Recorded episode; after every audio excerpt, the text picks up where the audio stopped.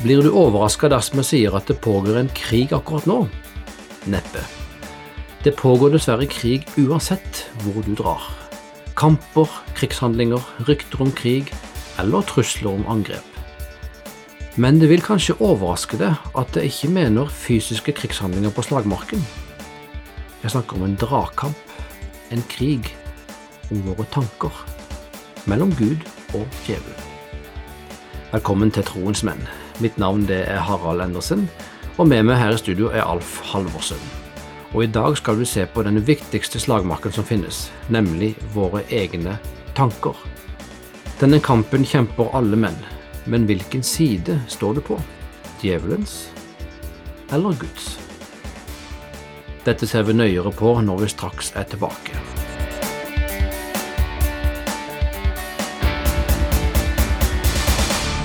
Alf Halvorsen, Paulus skriver i Romerne 7. Mitt indre menneske sier med glede ja til Guds lov, men jeg merker en annen lov i mine lemmer.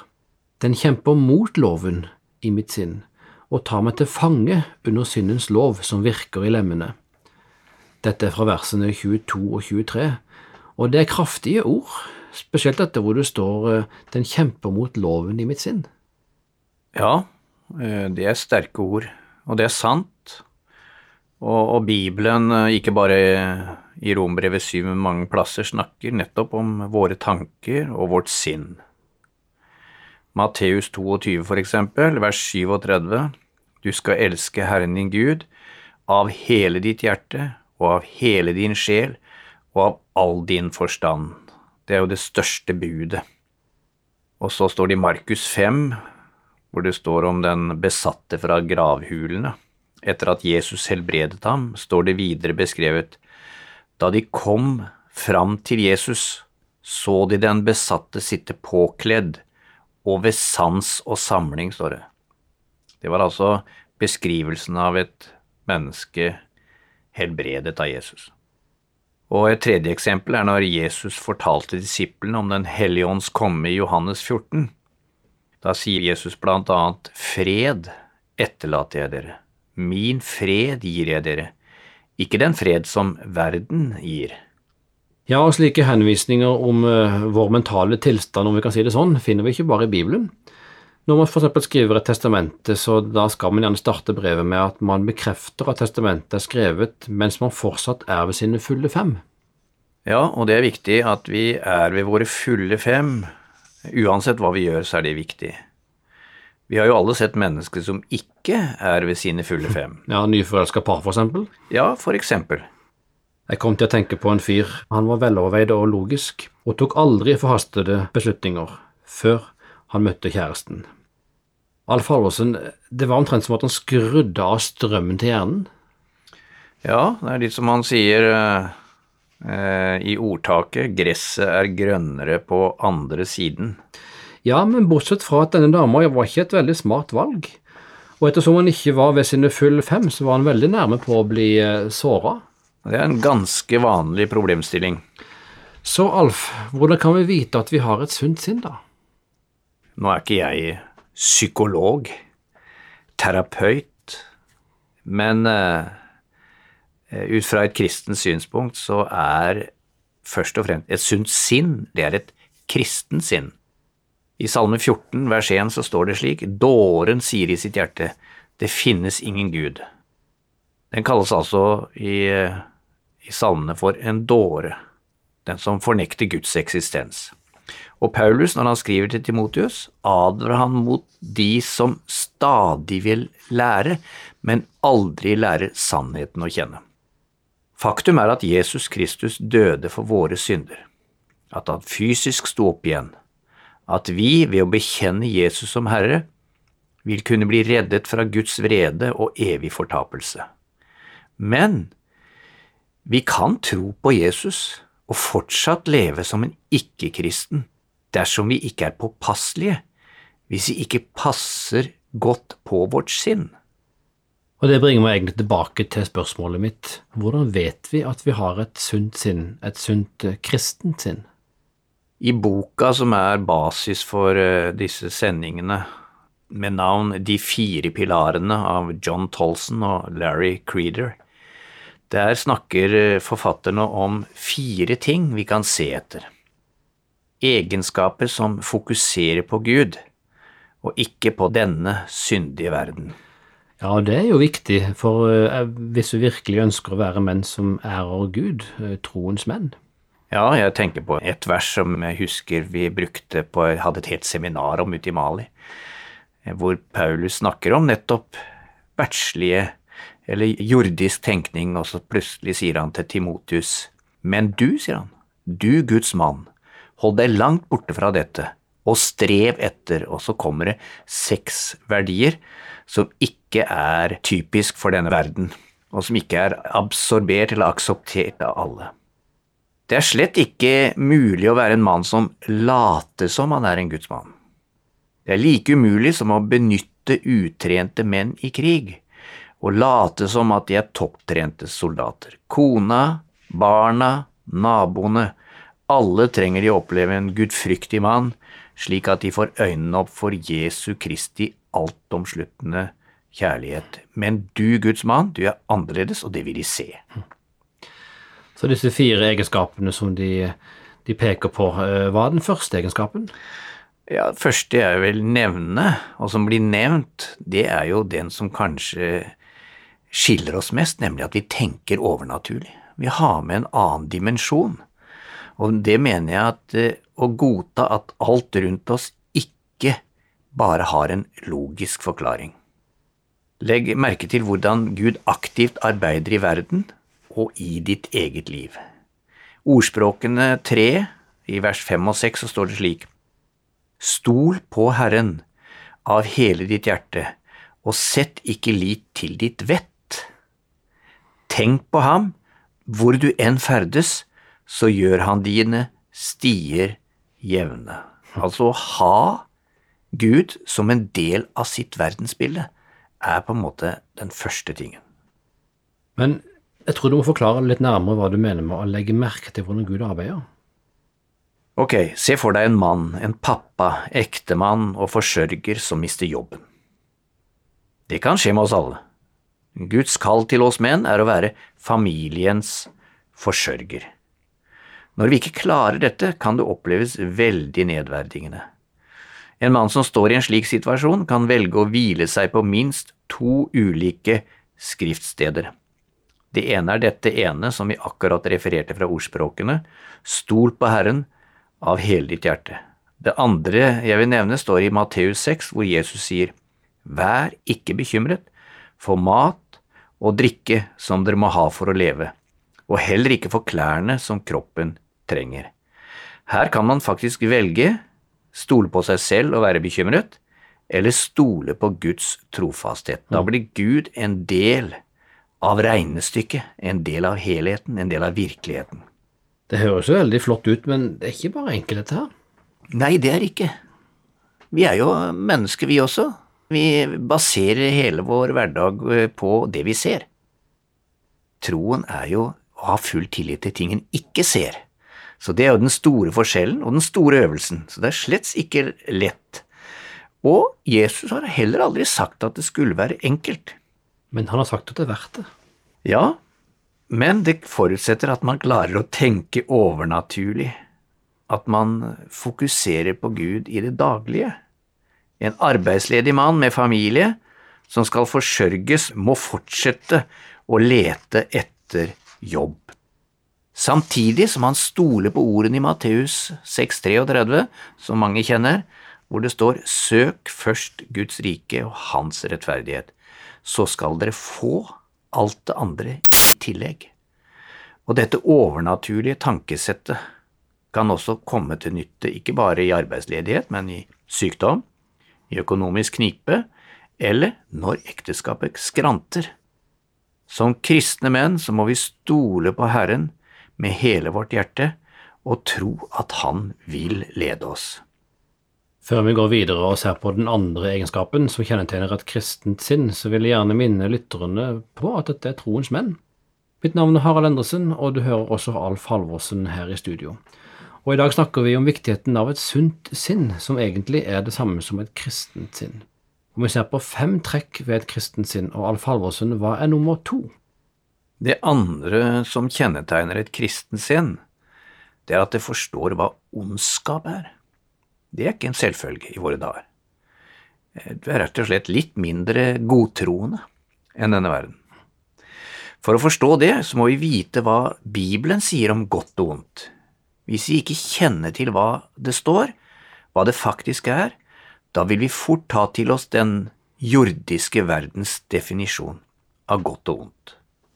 Jesaja kapittel 5 vers 20, der står det ved dem som kaller det onde godt og det gode ondt, som gjør mørke til lys og lys til mørke, bittert til søtt og søtt til bittert. 2700 år etter så leser vi disse versene. Dette er gamle vers, men det er en menneskelig visdom, og det er et, si, en menneskelig antropologi, et menneskesyn, som Bibelen blir mer og mer alene om å formidle, men som en kristen mann holder fast ved. Og Det er jo fascinerende hvordan disse versene perfekt nærmest beskriver dagens verden, dette med å gjøre det gode til noe ondt og det onde til noe godt. Ja, du og jeg vi vet jo om at det for 20 år siden, noe oppførsel som den gang var helt utenkelig, det er nå blitt helt alminnelig akseptert. Og vi kan nevne konkrete ting, ikke minst på det samlivsetiske. Det er ikke flaut engang. Vi får misjonærsøknader fra folk som ikke aner at det betyr noe at de da forteller at de er samboende. Så verden har endra seg, det. Det er ingen frykt for å synde for en hellig Gud. Problemet er at mange kristne menn ikke vet hva ondskap er, og de oppfører seg dermed mer som ikke-kristne enn kristne. Dette har vi vel sett alle sammen. Vi har også sett hvordan mennesker kan være oppsiktsvekkende slemme mot hverandre, mot dyr og mot naturen. Dette er derimot ikke noe tillært, for det hører til vår, den syndige natur som vi er født med. Selvsentrerte og egoistiske er vi, og djevelen utnytter våre svakheter og lurer oss til å gjøre det som er galt. Og djevelen får det jo òg ofte til å framstå som at det gale vi gjør, er tiltrekkende og ufarlig. Ja, og det er et godt poeng. Ordspråkene beskriver dette i historien om den lokkende, umoralske kvinnen. Det er, det er ganske interessant å lese i, i ordspråkene. I kapittel 9 og i vers 15 står det, hun roper til dem som går forbi, som vandrer rett fram i sin vei. Den uerfarne kan vende seg hit, og til den som er tankeløs, sier hun, stjålet vann smaker godt, og herlig er maten som vi spiser i smug. Her snakker hun om utenomekteskapelig sex, utrolig godt beskrevet i eh, ordspråkene. Og det er jo nærmest alt vi ser rundt oss i dagens samfunn, i filmer, på TV, i sangtekster, på nettet. Alle roper til oss, men det er ikke galt. Det er ok. Vekk med disse mørke mennene. Nei, du fortjener det. Fordi du fortjener det. Unn deg det. Du har jobbet hardt. Og sånn er egentlig dagliglivet full av helt andre tankemåter enn det som var mer normalt for 20 år siden. Men i ordspråkene 9.18 så står det Men han skjønner ikke at dødninger holder til der, at de som gjester henne, altså horkvinnen, da, går til dødsrikets dyp. En alvorlig beskrivelse. Det nevner ikke djevelen noe om. Om ikke det står det direkte, så advarer Bibelen og ber oss holde oss unna det som er galt. Så et kristent sinn vil tenke overnaturlig, og er litt på, på tå hev, kanskje, for å unngå det som er galt og ondt. Hva er det tredje kjennetegnet for et kristent sinn? Det tredje kjennetegnet for et kristent sinn er å fokusere. Et kristent sinn vil fokusere på sannheten. Det er et ord som står ofte, ofte i Johannes-evangeliet. Jesus sier jo i det berømte verset i kapittel 14, 6 i Johannes, Jeg er veien, sannheten og livet. Ingen kommer til Faderen uten ved meg. Og tilsvarende sier han, «Eh, hvis dere blir i mitt ord, er dere virkelig mine disipler, da skal dere kjenne sannheten, og sannheten skal gjøre dere fri. Frelsen står jo faktisk beskrevet hos Paulus også sånn. Gud vil at alle mennesker skal bli frelst og lære sannheten å kjenne. Frelse og lære sannheten å kjenne er synonyme. Det er veldig viktig at vi ikke lar oss lure av falske sannheter, og det er fort gjort å bli det. For eksempel kan det tenkes at en gutt ser en film hvor helten kan fly. Det er en film, men for en seksåring kan det virke veldig virkelig. Hans virkelighetsoppfatning kan da være at også han kan fly. Og dersom vi ikke er forsiktige, så kan vi fort oppleve at gutten klatrer opp på noe høyt og forsøker å fly. Nettopp. Det er en falsk virkelighet. Mennesker kan ikke fly. Som voksne menn kan vi også la oss lure bort fra sannheten. Er Jesus virkelig den eneste løsningen? Ba Jesus oss om å holde oss borte fra utroskap? Ba Jesus oss sette oss selv i andre rekke og prioritere ham? Overdrev han da han sa at eh, vi ikke kan elske både penger og Gud? Så er det klassiske eh, djevelske spørsmålet har Gud virkelig sagt? Dersom vi kjenner sannheten og lever etter den, da vil sannheten sette oss fri og hjelpe oss til å unngå å bli lurt til å synde. Interessante ting dette her, Alf. Ehm, vi er kommet til det fjerde som kjennetegner et kristent sinn. Og det er et viktig kjennetegn, og det står det kamp om i dag. Og det er at et kristent sinn aksepterer Guds autoritet. Det er ikke nokså selvsagt, da, hvis du er kristen? Dessverre ikke. Vi må velge å underkaste oss Guds autoritet, på samme måte som barna må velge å adlyde oss. Fordi det er ikke bare andre stemmer som sier noe annet. Vår egen natur også strir imot dette. Så av og til så står vi bare med Guds autoritet, og da står vi overfor en bibel som er tydelig. Når en tenåringsgutt er ute med vennene sine, han blir fristet til å drikke, ta stoff eller ha sex, da må han ta stilling til hvem han skal la seg styre av. Av seg selv, vennene sine, foreldrene, skuespilleren han har sett på TV, Gud. Hvem sin autoritet underkaster han seg? Som menn så står vi overfor de samme valgene hver eneste dag. Skal vi underkaste oss Guds autoritet eller vår egen? Hva er det femte tegnet på et kristent sinn? Et kristent sinn ser enkeltmenneskene rundt seg. Og nå skal jeg fortelle en historie om en mann som het Steffen. Han gikk på videregående skole. Da han gjorde det, så var han lidenskapelig opptatt av å hjelpe andre. Bibelgruppa han var en del av, engasjerte seg i lokalmiljø ved å hjelpe eldre med hagestell og andre oppgaver. Men det han likte aller best, var den første lørdagen i hver måned når de inviterte barna i bydelen til kirka for å spise frokost og spille spill. Mange av disse barna var fattige, og de satt virkelig pris på disse lørdagene. Det gjorde Steffen også. Men da Steffen var ferdig med russetiden og flyttet til en ny studieby, fikk seg jobb, giftet seg og fikk etter hvert to barn. Han gikk fortsatt i kirka, men nå var han opptatt med forretningsmøter og gikk på pub. Han spilte fotball hver lørdag morgen, så på film hver lørdag kveld og slappet av på søndagen. Men en dag fikk Steffen et brev fra et av barna som han spilte spill sammen med på spillelørdagene under tiden på videregående. Brevskriveren takket ham for at han hadde prioritert tid til dette, og fortalte hvor mye det hadde betydd for ham som barn. Det var da det slo ham. Han hadde ikke hjulpet andre mennesker på årevis. Alt hadde dreid seg om hans egne behov. Et kristent sinn vil tenke på dem rundt seg. Jeg må se til at det som betyr noe for Jesus, nemlig folk, også er viktig for oss. Takk, Alfe Halvorsen. I dag har vi altså hørt at et kristent sinn tenker overnaturlig, obs på det onde, fokusert på sannheten, underkaster seg Guds autoritet og bryr seg om de rundt det.